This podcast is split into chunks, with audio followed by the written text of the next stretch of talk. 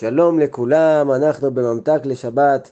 היום מדברים על נושא שנקרא להתמיד עם הטוב.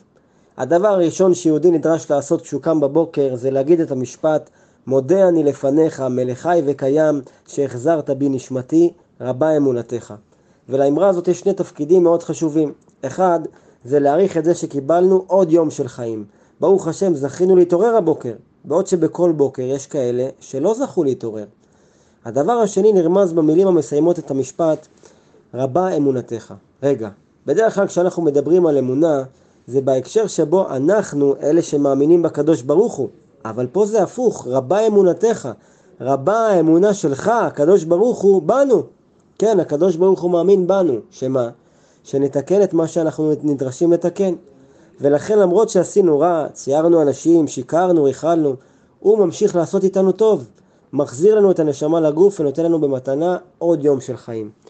כידוע, חז"ל אומרים לנו שאדם צריך לשאוף להידמות במידות שלו, בהנהגות שלו, לאלו של הקדוש ברוך הוא, ולאמץ את 13 מידות הרחמים של הקדוש ברוך הוא גם לחיים שלו וליחסים שלו עם אנשים אחרים.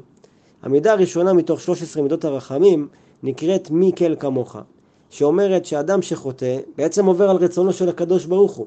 אבל כמו שאמרנו, למרות זאת, הקדוש ברוך הוא ממשיך לתת לו שפע של טוב, חיים, בריאות, קורת גג וכולי. הפואנטה היא שלמרות שהרע שאנחנו עושים, הוא ממשיך לעשות איתנו טוב.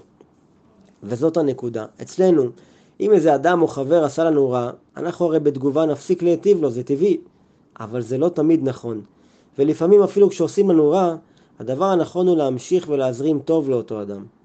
בעלון לשבת של משכן שלו, שילה, הביאו מעשה אמיתי שסיפר אותו הרב אייל אמרמי.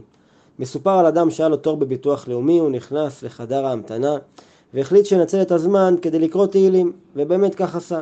אלא שהוא כנראה קרא קצת בקול רם את פרקי התהילים, ואחרי זמן קצר, אחד מהנוכחים קם, צרח עליו שיפסיק כבר עם התהילים שלו ודחף אותו. הנוכחים בחדר מחו כנגד ההתנהגות של אותו אדם, הוא היה ממש תקיף ועצבני, אבל מיודענו דווקא הרגיע אותם, למרות האלימות שחווה. לאחר זמן הגיע התור שלו, הוא טיפל באותו עניין שלשמו הוא בא, ובעודו יוצא מהבניין של ביטוח לאומי, הוא החליט לחכות ביציאה לאותו אדם שדחף אותו.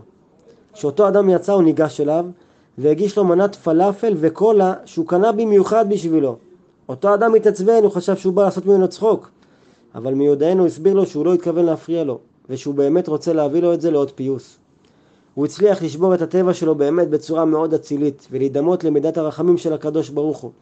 ואותו אדם מספר שהוא ידע שבזכות המעשה שעשה יש לו עכשיו עת רצון בשמיים. הוא היה בנתק עם הבן שלו וזה צייר אותו מאוד. אז הוא החליט לנצל את אותם רגעים כדי להתפלל לקדוש ברוך הוא שיחזיר את השלום בינו לבין הבן שלו.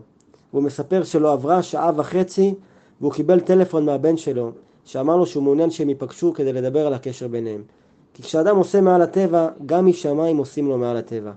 ולכן גם אנחנו, כשזה נכון, נעשה את המאמץ וגם אם מישהו עשה לנו רע למרות הקושי, נמשיך לעשות איתו טוב.